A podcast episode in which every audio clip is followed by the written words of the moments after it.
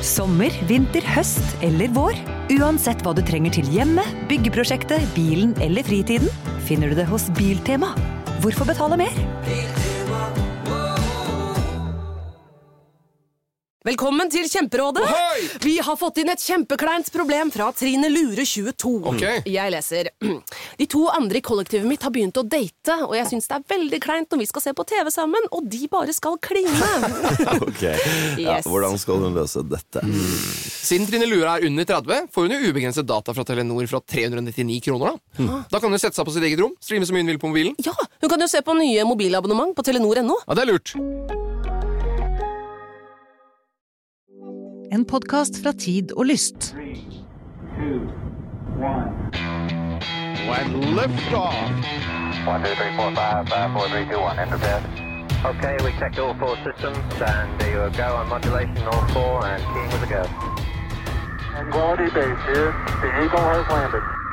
Verdensrommet er aktuelt som aldri før. Altså Verdensrommet er jo selvfølgelig alltid aktuelt, eh, Eirik. Eh, For noen mer enn andre, selvfølgelig. Det henger alltid over oss, enten vi vil eller ikke. akkurat det det gjør. Um, og så er det jo veldig Hei, forresten, til deg, kjære lytter. Ja. Hyggelig at du har eh, funnet oss eh, nok en gang også. Vi er Romkapsel. Hei, hei. Uh, og snakker om ting i verdensrommet. Og det som er i verdensrommet, er jo mange ting og ingenting. Um, og så er det Mars. Og på Mars så eh, kom det nettopp eh, nytt besøk. Og der er det mange gøye ting på Perseverance, blant annet eh, Rimfax, den norske georadaren, som vi skal snakke mer om på et senere tidspunkt. Men så er det også en liten, unnselig greie som bærer på et ganske viktig prinsipp. Det stemmer. I dag skal vi snakke om ISRU, folkens. Som er Ja, så jeg kan kanskje forklare det, hva ISRU er? Ja, det tror jeg kanskje ville vært uh, lurt. For, for altså, det er jo da uh, et prinsipp Ja. som er ganske viktig, eller jeg vil kanskje kalle det helt avgjørende, for menneskets mulighet til å Ikke reise til, kanskje, men i hvert fall til å oppholde seg på andre himmellegemer. Det er jo det. Det er jo egentlig det samme prinsippet vi Over bruker. lengre tid. Ikke sant? Det er jo det samme prinsippet vi bruker her på jorda. Altså egentlig det, altså ISRU er uh, In situ resource utilization, som betyr rett og slett utnyttelse av lokale ressurser. Det er jo det menneskene alltid har gjort. Altså, Du dyrker jorda, og du puster lufta, og du bruker vannet og fanger fisken. Altså, Du bruker de lokale ressursene for å overleve. Og gjøre Ja. mer enn å bare overleve, da. Ikke sant? Det er akkurat det. Og, og trives og vokse og komme videre og alt mulig.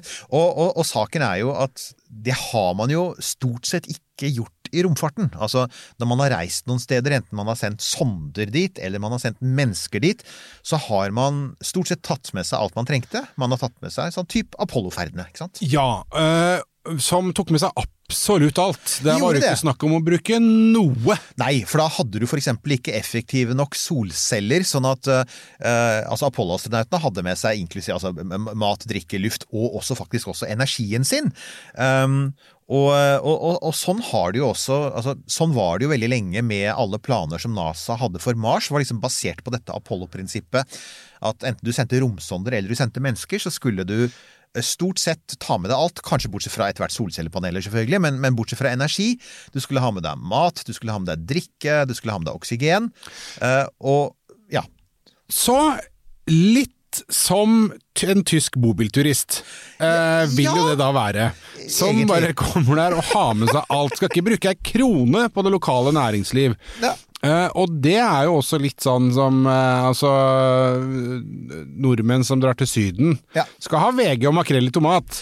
Det Eh, Og, og det handler jo da, egentlig har man jo etter hvert oppdaget at det handler jo ikke Altså det handler jo vel så mye om fastgrodde holdninger, for det viser seg jo Det er det som slår meg plutselig. At det, det, det, er jo tufta på en sånn gammel idé om at nei, vi må ha med oss det vi, det det vi veit. Og, og som man tenker, når man tenker på regnestykket for en bobilturist, altså, det er ikke nødvendigvis slik at det er rasjonelt å gjøre det på den måten, men det er slik man alltid har gjort det. Og der var NASA også veldig lenge, og, og romorganisasjonene var der veldig lenge. Det var eh, det, var ikke nødvendigvis det mest rasjonelle, men det var noe, av, altså, det var noe man alltid hadde gjort. Og, og det som trengtes, var jo da faktisk noen som kom og og sa men kan vi gjøre det på en helt ny måte? Og det er her vi må nevne en fyr som vi egentlig ikke har snakket så mye om. Eh, men som har vært ganske viktig Og du tenker på Werner von Braun? Nei, gjør for en gangs skyld ikke For en gangs skyld snakker vi ikke om. Werner. Og heller ikke om eh, Elon Musk, vi skal snakke om Robert Jean-Baptiste Keke? ja, Ikke Jean-Baptiste Keke, vår nye helt. Nei. Jeg skal snakke om eh, Robert Zubrin, Wow. som er, nå er mer sånn kjent som leder for The Mars Society, hvor jeg også da, sånn full disclosure, er også er medlem. Og jeg har også møtt mannen i, i Los Angeles for noen år siden. Han er gammel romfartsingeniør. Han pleide å jobbe for et av de store, en av de store leverandørene til NASA på 90-tallet. Og han var veldig opptatt av å komme seg til Mars, som mange av oss er. Men han var, han var superfrustrert over den Mars-planen som president Bush den første la fram i 1989. På, det var jo da Ja, det blir 20-årsjubileet for Apollo-landingene. Så sto president Bush den første, George, eh, han sto og sa at, eh, holdt en tale hvor han sa 'vi skal tilbake til Mars'. Eh, og da skal vi først bygge en romstasjon, som etter hvert ble den internasjonale romstasjonen. Så skal vi til månen. Artemis-programmet. Uh, og så skal vi til Mars. Og det Robert Zubrin sa var ja, men dette gir jo ingen mening. Hvorfor skal vi gjøre alle disse tingene imellom? Hvis vi vil til Mars, skal vi jo bare dra til Mars. Og så lagde han konseptet Mars Direct. Fly direkte til Mars hvis du skal til Mars, ikke, ikke alle disse mellomtrinnene. For da kommer vi oss dit aldri. og så langt har jo historien gitt han rett. Altså, Vi har brukt utrolig mye tid på å bygge romstasjoner og planlegge måneferder, og så har vi aldri kommet Så dit. vi, det går jo ikke an å si at det var bortkasta å bygge romstasjon. Nei da. ting, Men, men, men Romstasjon er et godt konsept. Men hvis målet var Mars hvis så- målet er Mars, ja. er det helt klart altså, at da er, da er det veldig lett å gå seg bort i omveier. Ikke minst hvis prosjektet ditt er politisk styrt, som jo NASAs prosjekter er. Ja. For at da, får du, da blir politikere veldig glad i det og sånn. Så, og det andre det, det, Så det første prinsippet hans var fly direkte. Dra til Mars hvis du skal til Mars. Det andre var eh, fly så billig som mulig. Altså bruk f.eks. tilgjengelig teknologi. Ikke bygg en ny, stor, dyr rakett. SLS. Eh, og, og for eksempel hans opprinnelige forslag gikk ut på at du skulle ta, ta eh, brennstofftanken til romferja, rakettmotorene, hjelperakettene, og sette dem sammen på en ny måte til et nytt romskip. Det ville bli mye billigere, mente han.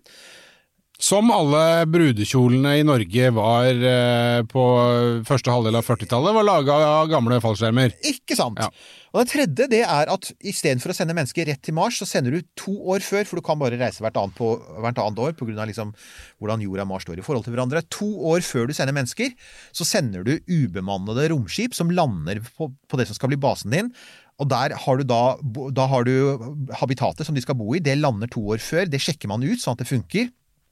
Og så kan man også plassere fabrikker på Mars som kan begynne å produsere ting. Ja, og det er, det er jo en Det høres jo ut som en strålende eh, idé. Og den har NASA faktisk tatt Ja, inn i seg. ja, ikke sant, for det så har de- den har de. ja. Så selv om de fremdeles mener at vi skal via månen, og selv om de Jo, jo. fremdeles en, bygger en utrolig dyr Bla, bla, rakett, SLS bla, så, Ja. akkurat der, så har de faktisk de har tatt inn over seg nummer én at vi, det er lurt å sende en fabrikk til månen og begynne å lage ting som du trenger, nei, på, til Mars, så, som du trenger på Mars to år før. Sånn at når du kommer, når det lander astronauter, så er på en måte, da står nøkkelen i døra på huset, og tanken er full opp, og, og, og, returromskipet har allerede fullt brennstoff, og du har vann, og du har oksygen.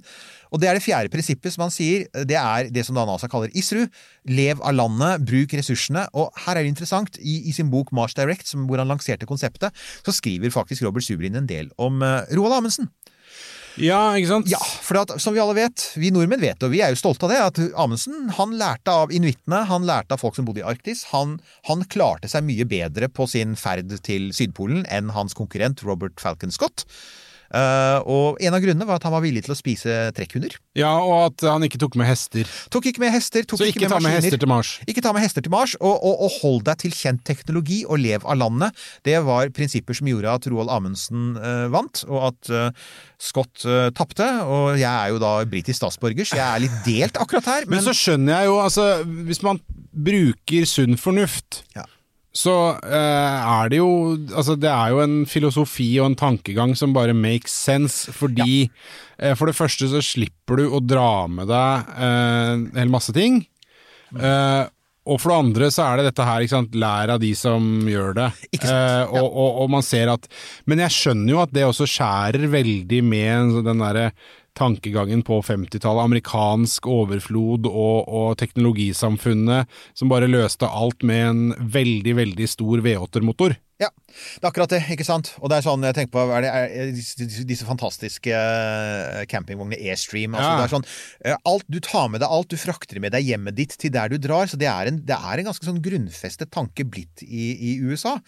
Um, og det er et ganske stort brudd med det, å gjøre noe med det. Og, og det er kanskje også en av grunnene til at selv om NASA nå ganske lenge, altså uh, ideen om å bruke lokale ressurser på Mars, den foreslo Zubrin ja, Det var altså tilbake i, på begynnelsen av 90-tallet, så det er jo en 30 år gammel tanke. NASA har egentlig akseptert det de siste 20 åra.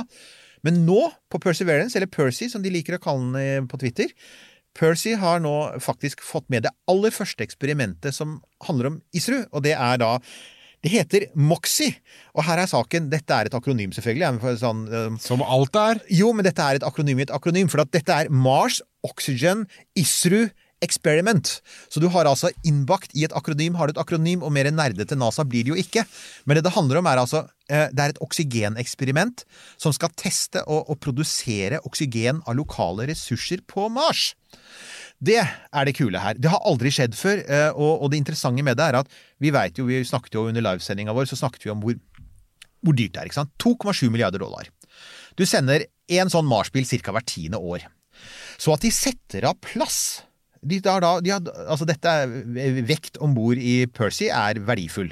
Så at de setter av plass til et ISRO-eksperiment, det er faktisk en ganske viktig eh, sånn programerklæring da, fra NASAs side. Ja, ja, ja for jeg, jeg tenker at det, det er det er én ting, eh, at det er det, men altså, så er det også tvingende nødvendig.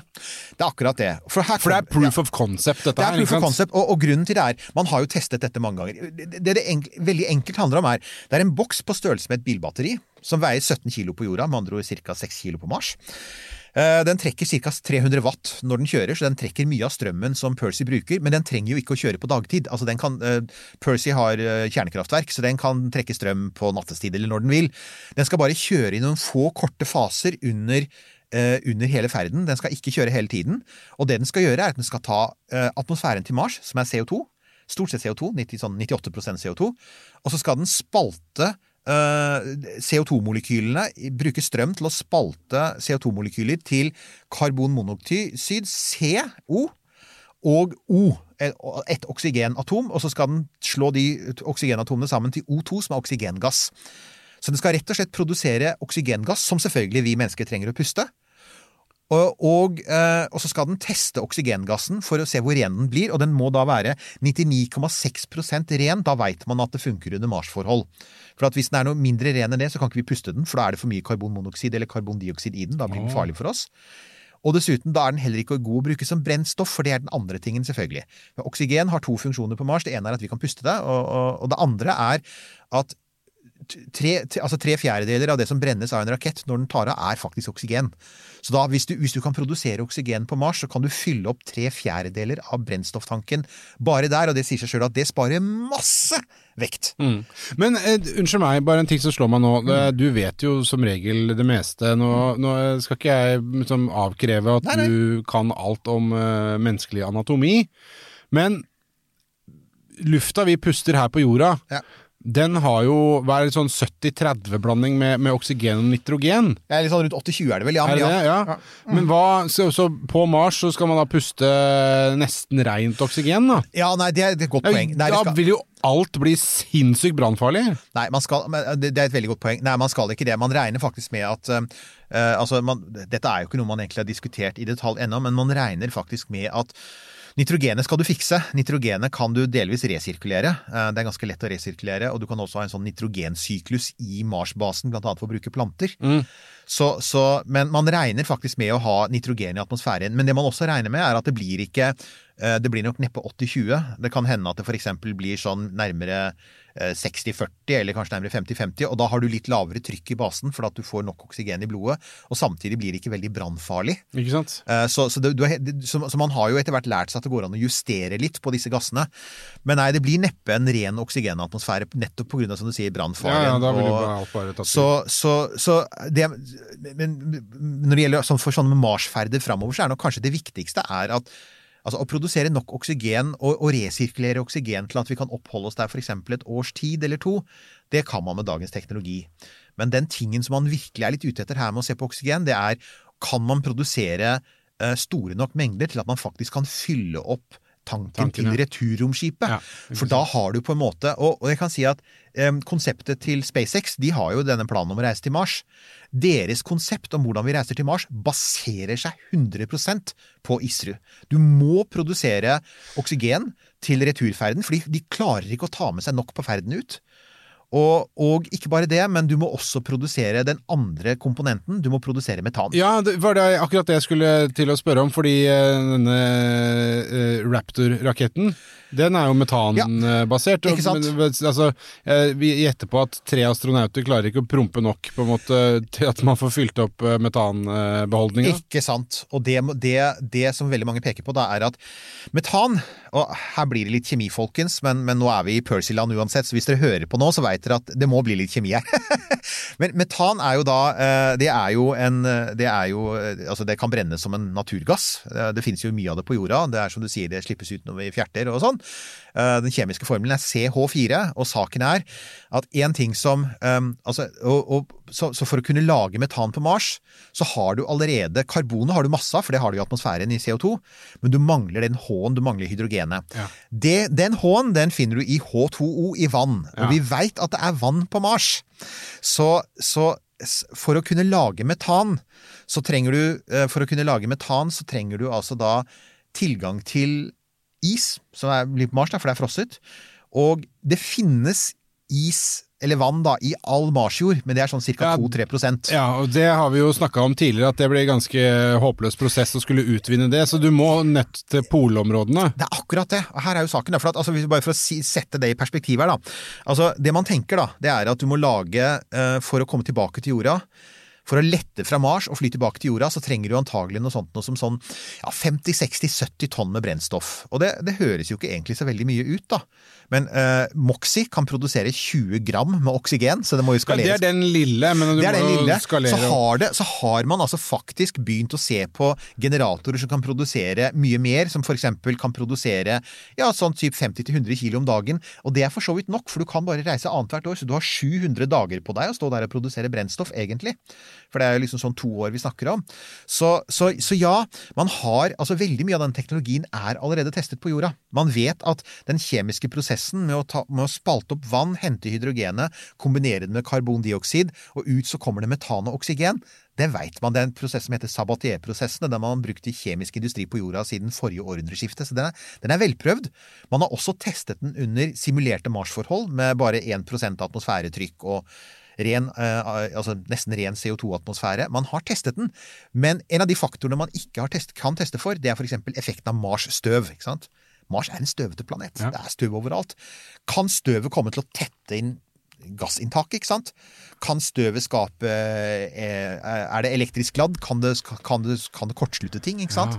Så før man baserer, gambler masse astronauters liv og milliarder av dollar på dette, så må man altså teste Man må de teste det i skalamodeller. Og som du sier, eh, saken er at, at, at det er ikke praktisk å bare lande tilfeldig sted på Mars og begynne å hente opp jord, og så må du, du, må, du må varme Altså For å få én liter vann, da, så må du varme noe sånt noe som 50 kilo med marsjord opp til 300 grader. eh, og da må du ha Og du trenger jo da Du trenger, altså du trenger noe sånt som 50-100 kilo med vann per dag. Eh, det vil si at du må ha, du må ha et kjempesvært dagbrudd. Eh, og må ha, det må være robotdrevet, for du skal jo gjøre dette før menneskene kommer. Du kan ikke gjøre det med, mens folk er der. Du må, så du må lage et svært robotanlegg, og så kommer energien. Eh, du trenger noe sånt noe som hva var det? Jeg, jeg måtte se på dette. Du trenger 17 000 kilowattimer med energi for å lage ett tonn med brennst, brennstoff. Og så skulle du ha 60 tonn? Ja, Ja. og du skal ha 60 tonn. Eh, 17 000 kilowattimer er cirka, tilfeldigvis, er det cirka det en norsk husholdning bruker per år i strøm. Ja. I energi, unnskyld. Eh, Så dette er altså noe sånt noe som 50 norske husholdningers energiforbruk for å lage en full tank eh, på Mars. Og det, det kan jeg si at siden solcellepaneler er mye mindre effektive på Mars pga. at sola er lenger unna, og pga. støvet, så trenger du kjernekraft. Det kjernekraftverket det fins jo ennå ikke. Det fins på tegnebrettet, men det er jo ikke bygd. Så det man har kommet, tilbake, har kommet til, da, er at når du skal sende det første Hvis du skal prøve å produsere metan og oksygen på Mars, så er det antagelig det beste er å gå for Moxie-modellen, som er at du kun bruker atmosfæren. Vil si at du tar karbon fra atmosfæren, og så kombinerer du det med hydrogenet. Hvor kommer det hydrogenet fra? Vel, hvis du sender ett tonn med hydrogen med fra jorda, så er det nok til å produsere alt metan du trenger på Mars. For det gir 19 tonn med metan. Okay. Så, så det man nå snakker om, er rett og slett at en, en quick fix mens vi venter på det svære robotanlegget, da, det er at du rett og slett sier Du sender, du sender eh, et Starship til Mars. Og med seg har det en fabrikk som kan stå og suge inn Mars-atmosfæren, og det kan produsere oksygen, og det kan hente ut karbon. Og så tar du med deg litt hydrogen, og ved hjelp av det så produserer du veldig mye mer metan. Du produserer altså 20 ganger mer metan enn det du har med deg av hydrogen, så du får masse igjen.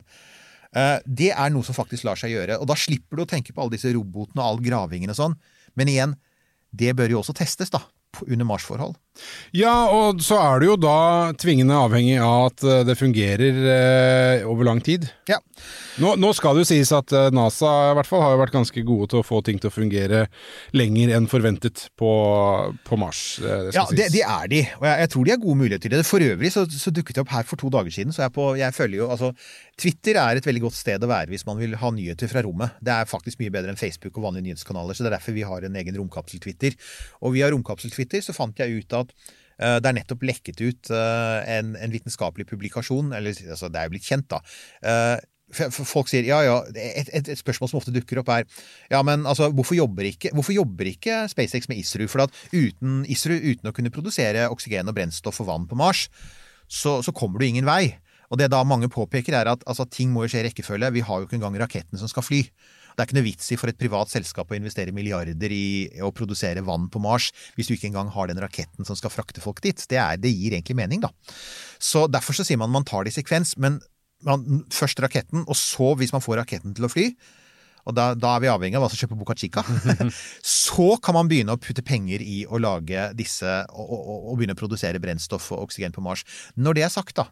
Det som lekket, det var en, eh, en vitenskapelig eh, artikkel som er blitt skrevet av noen ansatte i SpaceX, som siden 2019 har begynt å se på eh, landings, potensielle landingssoner for, eh, for Starship. De har faktisk begynt å se på landingsområder på Mars hvor de, hvis de skal sende, når de skal sende, for de skal jo. Og det kan si da, er nummer én, de kommer ikke til å lande på ekvator, selv om det er liksom sånn man tenker seg at det er kanskje det, det lureste. De skal lande på ganske høye breddegrader, sånn 35-40 grader nord. De skal lande på den nordlige halvkulen, og det har vi snakket om før, at det er den halvkulen hvor de tidligere var vann. Det er den halvkulen som ligger lavest. Eh, Så de skal lande på en sånn eh, Og så skal de lande i nærheten Det er to sånne fjellområder, blant annet et som heter Erebus. Og det er et fjell i Antarktis også som heter Erebus. Eh, Et område som heter Erebus. Og i skråningene der så har de romsondene som er på Mars nå, de har faktisk funnet eh, eh, Fått signaler tilbake fra bakken som tyder på at det er isbreer under, under bakken. Ja, for det, jeg tenker at det, Ja. det Du må jo da være i nærheten av vil jo helst være i nærheten av en eller annen form for vannkilde. Og det er det man sier, er at eh, et av områdene som, som, eh, som SpaceX nå tydeligvis driver og tenker på, det er eh, et område hvor man tror at det i hvert fall er 50% vann under bakken. Og da begynner vi å snakke. Hvis du kan på en måte skrape vekk sand på toppen, og så ligger det en isbre under, så vil du fremdeles måtte filtrere vannet, men det er jo en helt annen prosess enn å grave opp tonn på tonn på tonn på tonn med jord, og så får du ut litt vanndamp.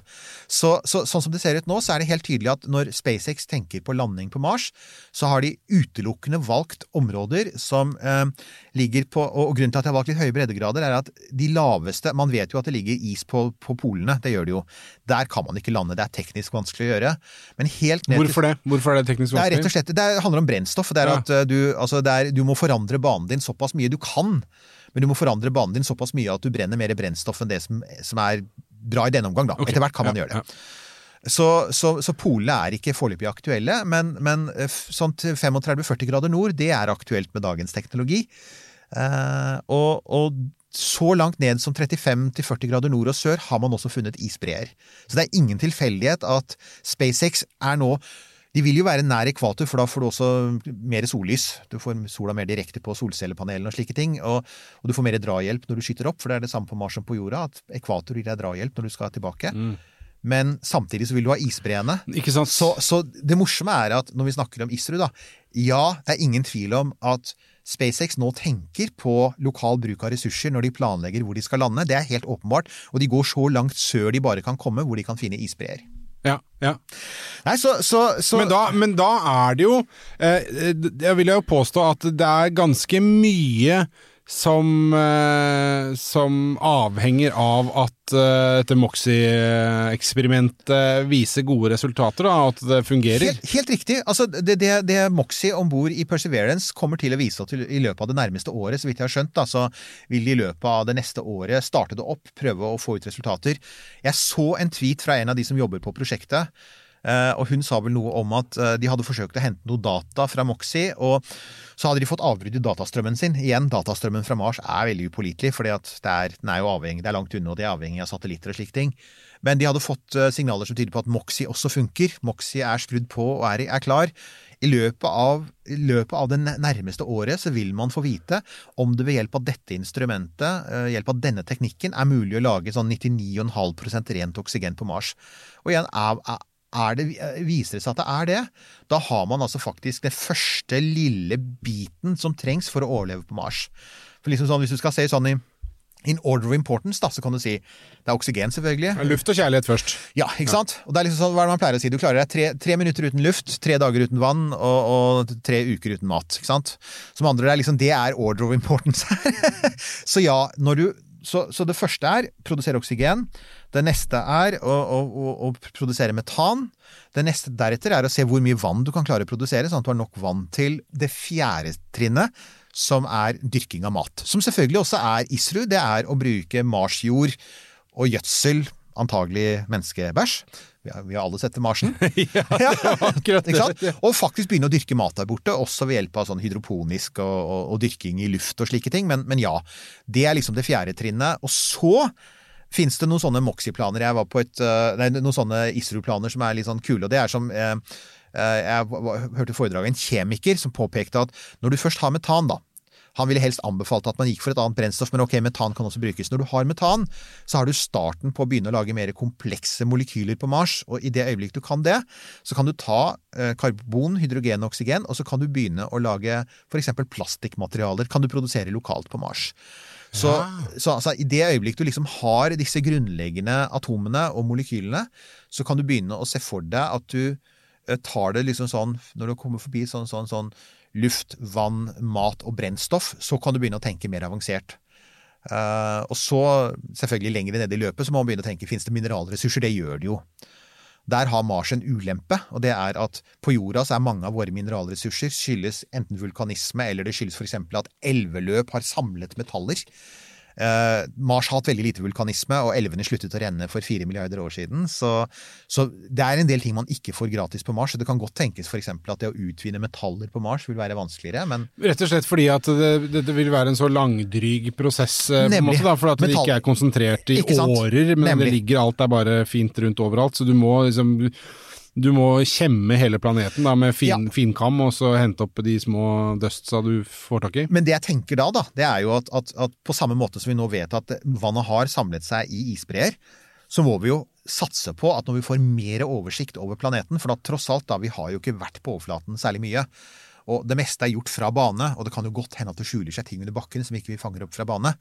Så, så det, det, Og der kommer jo vår venn Rimfax eh, inn, da. og Det blir spennende å se hva den kan Rimfax klare å finne også. Rimfax er kjempeinteressant også, og selvfølgelig i et ISRU-perspektiv. fordi at hvis det skulle vise seg at man finner mer is under bakken på et sånt vanlig sted For Jezero-kratet er det er ikke noe isbreer som vi vet om under bakken på Percy. Men hvis da, mens Percy kjører sånn happily along, ikke sant, og, og, og Rimfax driver og bombarderer bakken sånn uh, jevnt og trutt, Um, så, så, og, og, den plutselig sier ja, men her er det isbreer, ikke sant? her er det masse vann som ikke vi visste om. Ja, så forandrer, blir jo det en game changer også for type SpaceX. Med tanke begynne... på landingssoner ja, osv.? Ikke sant, for plutselig sånn, ok, hvis det er sånn at vi, da, de finner mye mer vann rett under bakken enn man trodde før, og det kan godt hende det, vi veit jo ikke. Uh, sikkert så er vi plutselig et litt annet sted, og da kan det hende at, eh, at det blir et, et, bra sted å, å, å lande, for eksempel. Så, så, du har helt rett. Altså det som, eh, det som gjøres av Rimfax og de andre instrumentene på, på, Percy, er jo også en del av det hele bildet. Men, men, men igjen, det, det kule med, med, Moxie er at altså, alle de andre tingene de sender dit, de er, liksom, de er der jo for å måle på Mars. Mens mens Moxie skal jo ikke det. Den skal Nei. liksom bare sitte der for seg selv. Den sitter jo inni magen på, på fartøyet uh, og, og skal gjøre si- sine litt sånn rare sånn gal vitenskapsmann-eksperimenter på litt rare tidspunkter. Og si 'Å ja, nå, nå sover alle de andre', så Det er sånn jeg blindpassasjer som uh, bare krøp om bord når ingen kikka. Det er det eneste du ser for deg, at liksom den sprenger seg ut av buken på Percy på et eller annet tidspunkt. Den sitter der.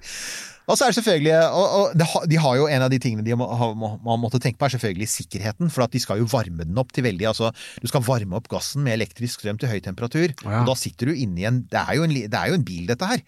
Å ha en sånn klump inni bilen som plutselig skal bli veldig varm, det må du tenke på. Så de har, den er bygd av ekstremt effektivt varmeisolerende materialer, og det er ca. sånn fem forskjellige sikkerhetsnivåer som skal trippe av eh, circuit breakers hvis det går eh, hvis Hadde løper vært noe dritt hvis det var liksom den der ene, den dumme, lille, gærne vitenskapsmannen som plutselig Ja. eksploderte og ødela alt sammen. Ja, jeg, jeg, bare Her er jeg no, altså etter, etter Space is hard! Space Oh is hard. God. Men hvis vi, hvis vi bare får kaste våre tanker tilbake noen uker til den landingen vi så, av hva de gjorde, så tenker jeg De folka som, som, som stikka den landingen, som fikk den der ned på bakken og filma det, og la inn hemmelig budskap i fallskjermen og alt dette her De folka der som er så übernerder og er så utrolig, utrolig, utrolig flinke. Eh, Jeg tipper at de, har- jeg tipper at de har sikra seg her òg, for å si det sånn. Jeg, jeg, jeg, vil, jeg vil tro det. jeg har, jeg har Eh, tiltro, jeg har, jeg har trua her, altså.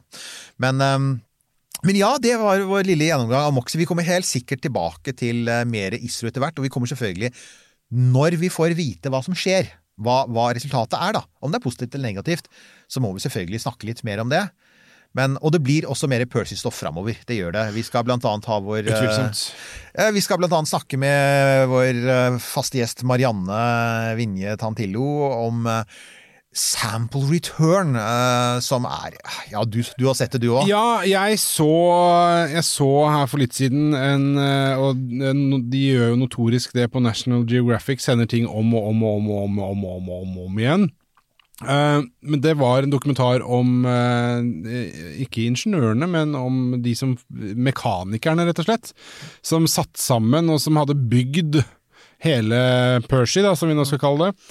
Eh, og det, var så, det var så fascinerende, for det var en fyr som sa sånn I used to work in a bike repair shop.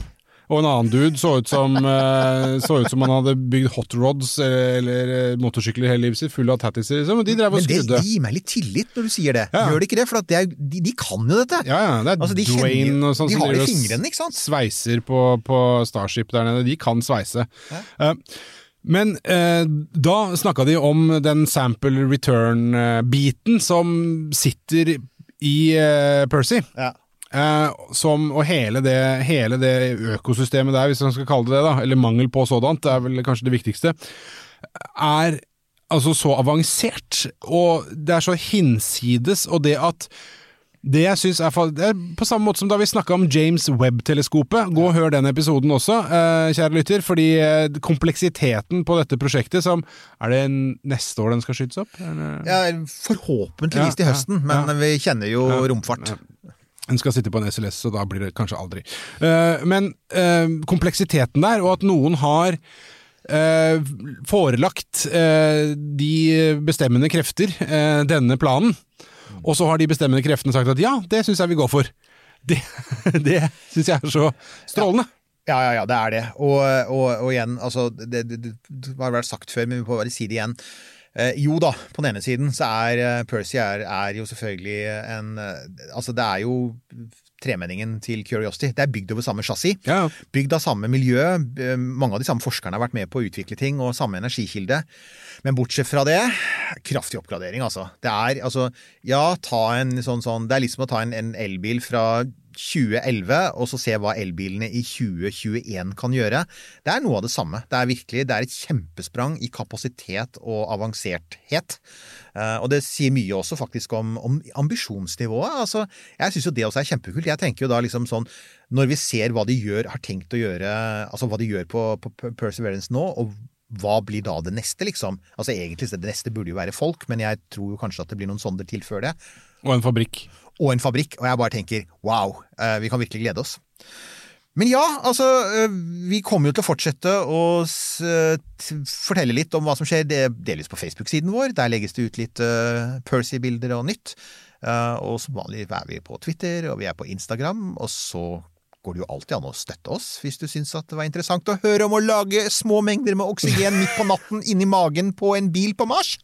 Ja, Vi tar eh, skamløst imot eh, det som måtte komme av eh, veldig hyggelige donasjoner på, på Vips. Søk opp Romkapsel der. Eh, og så skal vi kanskje bare nevne også da at eh, hvis du har lyst til å bli astronaut, Ja. så er det nå. Det er nå, med, Ja. med mindre du er fem år gammel. Du Eh, kommer til å høre oss mase litt om dette framover, rett og slett. For at vi, vi syns med tanke på at dette er romkapsel, og det er vi som snakker om disse tingene i Norge, så må vi jo si at innen 31. mai så må du på en måte ha bestemt deg. Ja, og gjort noe med det, faktisk. Med fordi det, ja. da går søknadsfristen ut. Men nå er det faktisk sånn at uh, om eh, bare altså, noen uker så åpnes da søknadsmulighetene for å bli ny ESA-astronaut. Da eh, kan vi krysse fingrene for at eh, en av de som eh, kommer gjennom det nåløyet, eh, er norsk statsborger. Eh, og så slipper vi da å si at ja, men har vært i Norge en gang, og Christer Fuglesang og bla, bla, bla, bla. bla. Jeg, jeg setter veldig pris på alle de som minner oss om alle de norskættede astronautene som er der ute. Det er ikke det. det jeg syns det er fint. Men det er ikke, de er ikke altså, Selv om eh, oldeforeldrene dine kom fra Alvdal, så betyr ikke det at du er norsk nå. Nei. Amerikanerne liker å si det. Norwegian, men det er fordi de spiser sandkaker eh, og andre julekaker i, julivarmen i Minnesota. og, eh, og vet du hva jeg Og sier uff da. Vet du hva jeg sa, tenkte inn i huet mitt nå, Eirik? Jeg tenkte at og det hadde vært så fint hvis det var, var en som hadde vokst opp med Vibeke Sæther på barne-TV. Ja. Men da slår det meg at nei, har du vokst opp med Vibeke Sæther på barne-TV, så er du for gammel. Ja, det er, og jeg, er, jeg har vokst opp med Vibeke Sæther okay. på barne-TV, så jeg har allerede innsett at jeg er Brannmann. Sam, da. Eller Brannmann eh, Sam, et eller annet ja det er Pokémon. noen av disse håndverkerne som blir så populære etter hvert. Vibeke Sæther, sier jeg bare. Et eller annet. Yes! Nei, men eh, vi får bare krysse fingrene for at eh, oksygenproduksjonen i ørsmå mengder går sin vante gang på Mars, og så eh, høres vi igjen før det har gått et Mars-år. Det gjør vi.